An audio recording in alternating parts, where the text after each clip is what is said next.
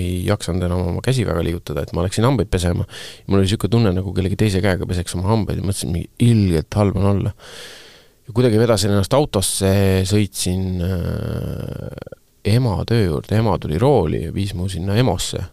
ja seal siis nagu, kui ma tilgutid peale sain, siis läks nagu olemine paremaks, aga siis hakati äh, uurima, et mis, mis siis viga on. esialgu ikka, nagu ikka suhtumine, et, et mis sa tõmmanud oled, mis aineid, ja nagu ma ütlesin, ma ei ole nagu mitte midagi, et ma ärkasin hommikul üles ja niisugune halb lugu oli.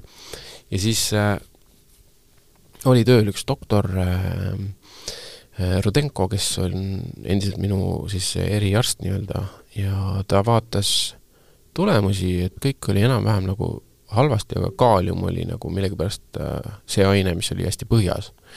Ja siis ta teadis, et kui, kuna ta on endokrinoloog, et, et kui kaalium on põhjas, siis vist nagu on vot selle asjaga tegu ja siis saime jälile, siis ma olin mõned päevad haiglas, sain mingid ravimid peale kohe ja ütlesin veel, et kuulge, et kas ma saaks nagu need ravimid kaasa kuidagi, et ma pean minema Leetu esinema ja siis ja siis mõtlemata selle peale, kui võib-olla keeruline olukord tegelikult oli üldse.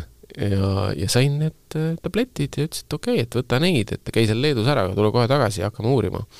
ja ma nagu, enesetunne oli juba korras ja kusjuures ma mäletan endiselt siiamaani seda, et äh, kui mu vererõhk oli vist nelikümmend, kaheksakümmend ja kui uimane oli olla ja kui nüüd tagasi hakkas minema, siis mul oli niisugune tunne, et süda lõhkeb nagu rinnus, et niimoodi nagu täiega nagu pressib välja. ja see oli justkui normaalsus siis või? tegelikult läks normaalseks.